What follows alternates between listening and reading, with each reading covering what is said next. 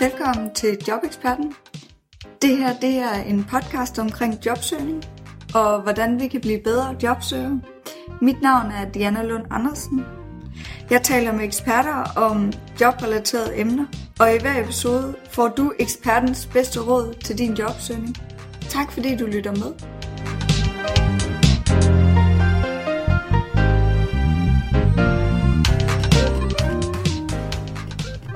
Nu havde jeg jo fat i Anita, hvor vi talte om øh, det her med at blogge som jobsøgende, og noget af det, vi kom til at sidde og tale om også, det var det her med netværk, og hvordan man skaber netværk, og hvordan man kan starte et netværk. Og det synes jeg faktisk var så interessant, at det synes jeg skulle have en lille episode for sig selv.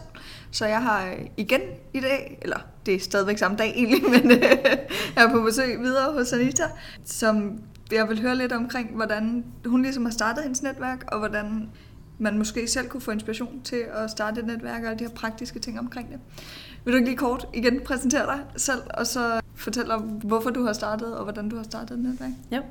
Jamen, uh, Anita Lykke Clausen, jeg er social media manager i Bolius.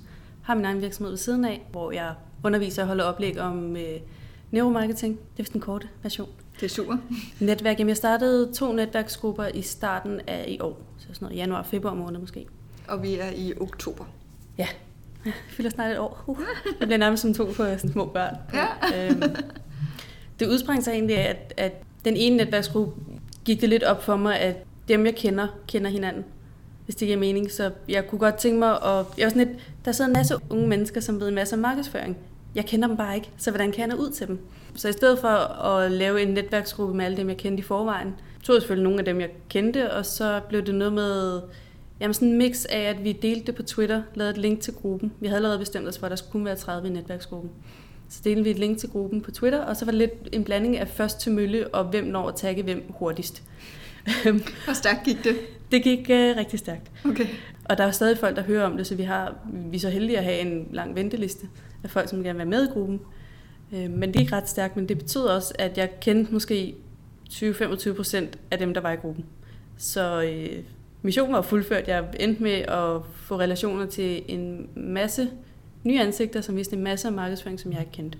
Så det var viden, der var drivkraften for dig, eller den potentielle viden, der kunne ligge i sådan et netværk, som var drivkraften for dig? Ja. ja. Hele det der med at have et netværk af, nu tog vi udgangspunkt, at det skulle være unge folk, fordi vi var sådan at vi unge kender ikke hinanden. Så til udgangspunkt i, at der er en masse unge folk, som ved så meget om markedsføring og alt digitalt, men bare har svært ved at komme ud over kanten igen det der med, at folk kan sagtens starte en blog, men det er måske svært at, at få den udbredt på en måde. Så hvis nu man havde et netværk af 29 andre mennesker, som havde relationer i branchen, præcis samme branche, så havde man endnu nemmere ved at komme ud med sin blogindlæg. Man havde endnu nemmere ved at blive klogere om et eller andet emne, fordi vi ved en masse forskelligt i gruppen. Det kan godt være, at vi alle sammen har basis i sociale medier, men der er virkelig mange vinkler øh, på sociale medier. Så det var egentlig en stor vidensgruppe, øh, jeg godt kunne tænke mig. Mm. Ja. Hvad, hvad så rent, det, nu ser du, du har startet to grupper, hvad med, hvordan sådan rent praktisk? Altså fordi noget af det, som jeg selv synes, jeg synes, det kunne være mega interessant at have en netværksgruppe, øh, men det virker sådan lidt uoverskueligt, og hvor skal jeg få fat i, øh, hvad hedder det, folk kan nu kan man sige, det er måske oplagt at gå på Twitter, mm. når man søger sociale mediefolk, ja. men har du andre gode idéer til, hvor man kunne gå, hvor man kunne gå hen, hvis man gerne ville starte, og er der forskel på, om det er en fagrelevant netværksgruppe, eller om det mere er en alt muligt andet netværksgruppe. Jeg ved ikke lige, hvad det skulle være, men, men giver det mening spørgsmål? Ja, det tror jeg. Det er faktisk sjovt. Jeg er ved at starte en tredje netværksgruppe, øh, som jeg ikke rigtig skal være del af. Jeg skal bare hjælpe, jeg, jeg hjælper bare med at starte den op. Mm. Det er en uh, netværksgruppe for uh, studerende. Folk, der igen elsker digital markedsføring. Meget lige den netværksgruppe, jeg har, hvor vi er 30. Det her skal så bare være studerende folk, der lige nu sidder med næsen nede i en bog og lærer et eller andet akademisk. Øh, jeg vil gerne lave en netværksgruppe for dem. Netop fordi, da jeg var studerende, havde jeg rigtig svært ved at øh, komme ind i branchen og få det der netværk. Man vidste ikke helt, hvor man skulle starte med det der netværk. Så jeg tænkte, hvis nu man samler 30 studerende, så har de hinanden til at starte et netværk, og de kender alle sammen nogen, som kender nogen osv. Og udfordringen ved at starte det netværk er jo, at der er alt for få studerende på Twitter eksempelvis, så det er svært at nå ud til dem. Jeg kunne sagtens bare lave et link på Twitter med at starte en netværksgruppe for studerende, men jeg tror ikke, jeg vil nå ud til så mange. Så det vi i stedet for har gjort, er, at øh, jeg laver den sammen med to andre, de to andre studerende. Så øh, for det første har de jo et netværk af studerende, så de har nogen, de kan spørge. Så vi lavede lidt den der struktur med, okay, vi skal finde 30 medlemmer til vores gruppe. Eller de skal. Så hvis nu de begge to spørger nogle af dem, de kender fra studiet, behøver ikke læse det samme, men nogle, de kender, som de tænker, de er oplagt at få med i den her netværksgruppe. Og så beder dem om at spørge nogen. Så og siger, øh, ja, og ja. hvis du så også kender en, så må du også godt invitere dem. Og nu har jeg en studentermedlem i Bolius, så jeg har selvfølgelig også spurgt ham og sagt til ham, og hvis du kender en, så må du godt sige til vedkommende, at han, hun også er meget velkommen. Og selvfølgelig kendte han en, og den person kender måske også en. Så det bliver sådan en lidt analog form for øh, rekruttering, skulle jeg til at sige. Det er Ja. det jo ikke rigtigt. Men på den måde, så sørger man jo også for, at, at du kommer ud i så mange led, så du netop ikke vil kende alle de mennesker, der Nej. ender i gruppen. Og det er jo netop det, der jeg synes, der er det fede ved en netværksgruppe. Det er det der med, at du får nye medlemmer ind. I min netværksgruppe, hvor vi er igen 30, der øh, har vi jo, som rigtig mange netværksgrupper har, en regel om, at du skal være aktiv for at være med i gruppen. Og det synes jeg egentlig giver rigtig god mening. Ellers så holder du jo bare en plads, som en anden kunne få. Så vi får jo faktisk også løbende udskiftning. Der kan sagtens gå lang tid imellem, men vi står, vi har lige stået i den der situation, hvor der var en, der havde meldt sig ud af gruppen, eller vi i hvert fald skulle finde et nyt medlem, og en ting var, at vi gerne ville finde en, som havde nogle helt andre kompetencer end os selv, men vi vil jo også gerne finde en, som de fleste ikke kender. Fordi igen, vi vil gerne tænkte, det Pointen- kan at blive svært. Ja, og hovedpointen var jo netop det her med, at vi vil gerne lære flere at kende i vores branche, i stedet for bare at være sådan en lille kerne af folk, der kender hinanden. Så prøve at hjælpe andre med at få, få øh, skabt et større netværk. Udover det, hvad, hvad er der sådan rent, hvad er den rent sådan praktiske del af det? Altså jeg tænker, at der må være noget med nogle lokaler, der må være noget med, hvornår, hvor, hvor tit mødes vi, og hvor skal det koste noget, og hvordan, hvad er det, vi laver til vores møder? Er det, at vi mødes en time, og så netværker vi bare, eller har vi oplæg? Eller, altså, hvad er selve, og hvordan Ja. har I ligesom besluttet, hvad det skulle være? Ja, der er faktisk en del med at vise, hvad der arbejder ved, ved at starte de her netværksgrupper, end jeg lige havde troet. Øh, fordi der er jo netop, du skal både finde en platform. Nu er Facebook gruppe virkelig oplagt, og det tror jeg, det er for langt de fleste. Så du skal finde en platform, du skal finde et sted at samles. Du skal finde øh, det antal medlemmer, som du synes er fedt at have. Det kommer også an på, om I skal kende en rigtig godt, eller om du bare gerne vil have så mange som muligt. Så skal du finde medlemmerne, som vi lige har været inde på. Hvordan finder man dem og sørge for, at det ikke bare er dig og dine bedste venner, der sidder der og kloge over for hinanden. Og så det her med at få skabt nogle, nogle form for husregler. Øh, det var en, en virkelig stor proces. Alene sådan med at skulle finde et navn til gruppen. Der bliver man nødt til lidt at være lidt at tage kasketten på og være sådan, Nå, nu, nu var det mig, der oprettede gruppen, og i stedet for, at vi skal bruge en uge på at have en lang tråd på Facebook om, hvad vi skal hedde, så siger jeg, at det her blev foreslået og liket flest gange, så det er det, vi hedder. Slut. Næste beslutning. Så det betyder også, at opstartsfasen bliver meget, ikke så meget videndeling, bare mere, hvad skal vi hedde, hvor ofte har folk tid til at mødes, hvor ofte har folk lyst til at mødes, øh, skal vi mødes overhovedet, hvad skal vi lave, når vi mødes. Vi blev enige om, at øh, hver anden måned, det passede fint med os. Det er ikke så ofte, men det betyder til gengæld, at der kan være så mange som muligt med til møderne. Så er det sådan noget med at finde lokaler, fordi der er jo ikke noget budget i sådan noget her. Det er jo ikke fordi, det koster noget at være medlem i gruppen.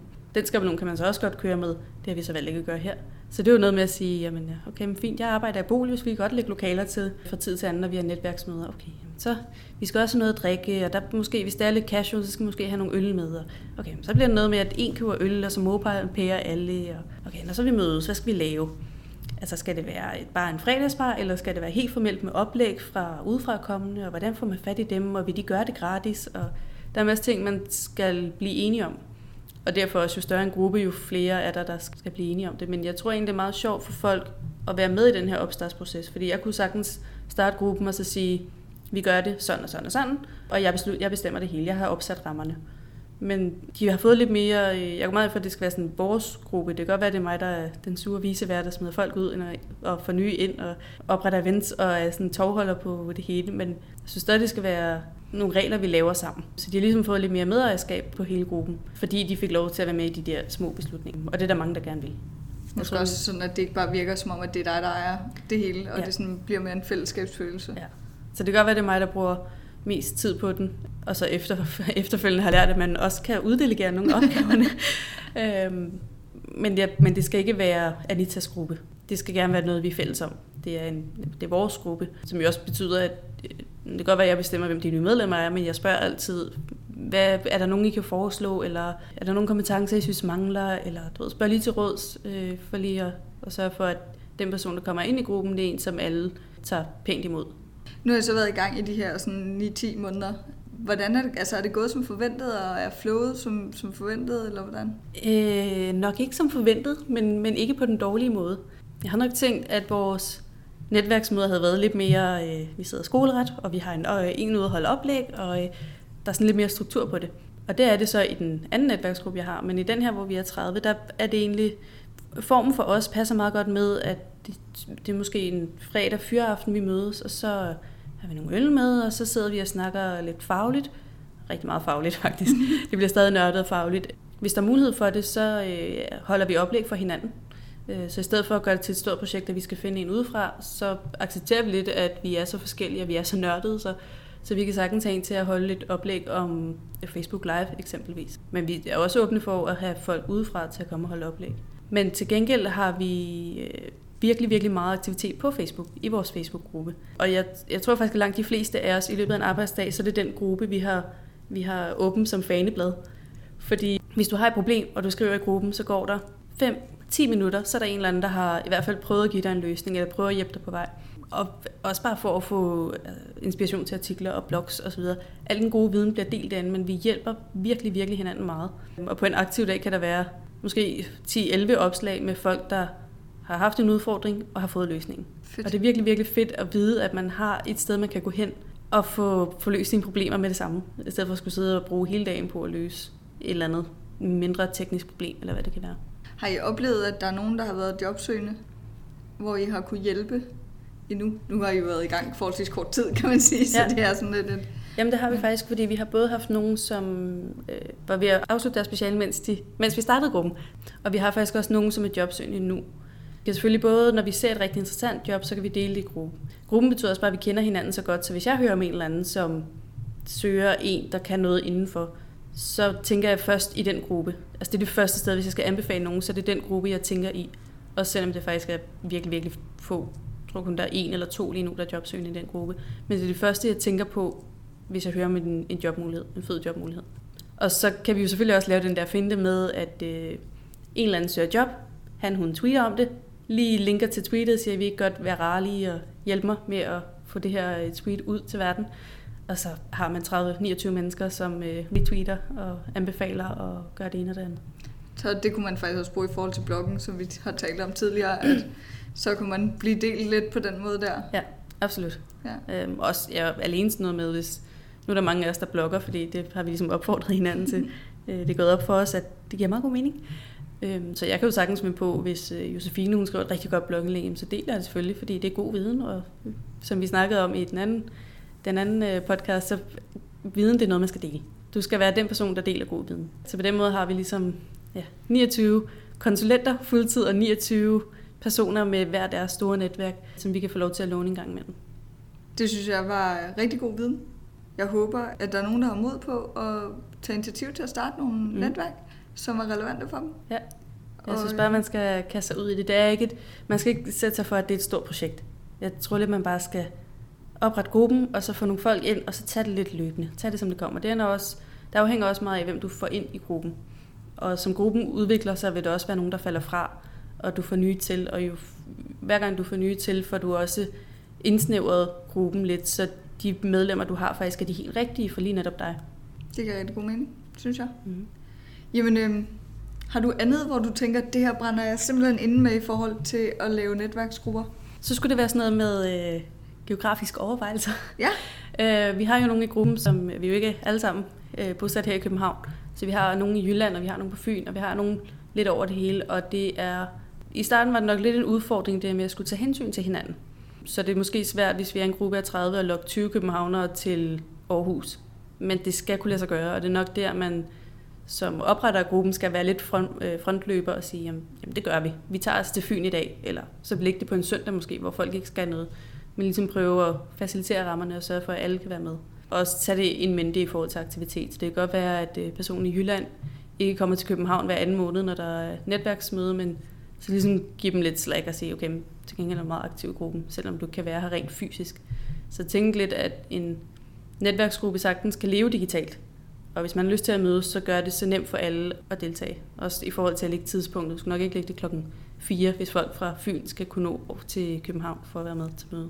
Det var en ret god tanke, ja, fordi at der er så man godt nok langt fra Nordjylland, for eksempel. Ja, det er der. Og så også lidt sat pris på, at folk rent faktisk tager turen. Ikke? ja. Det siger også lidt om, hvor meget værdi man ud af netværket.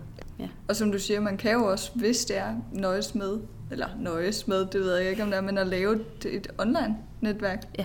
Der er jo nogle bekymringer eller nogle ting, man kan skære fra. ja. Michael Lembers øh, Summi Klub 100, hvor er 100 mennesker. Det kan være svært at samle 100 mennesker.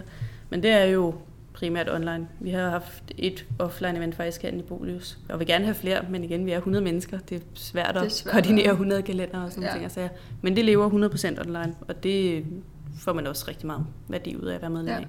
Jamen, øh, tak fordi du har lyst til at øh, være med igen. Jamen, så tak. Lige lave en lille sådan ekstra, øh, ekstra ja. podcast med, øh, med netværk. Det synes jeg var rigtig, rigtig spændende. Jeg håber, lytterne får en masse ud af det. Det håber jeg også. Hvor kan de finde dig, hvis de nu gerne vil vide endnu mere om netværk? På- Eller der måske sidder nogle øh, somi mennesker, der gerne vil øh, på venteliste Ja. til dit netværk. Hvad end det er, så kan man finde mig på alle sociale medier med Anita XCBH. Min hjemmeside er sjovt nok også anitaxcbh.dk. Øh, min blog digital, eller min podcast digitaltanker.com. Så jeg er rimelig nem at finde. Ja, Perfekt. Mm. Jamen, øh, tak fordi du ville være med. selv tak.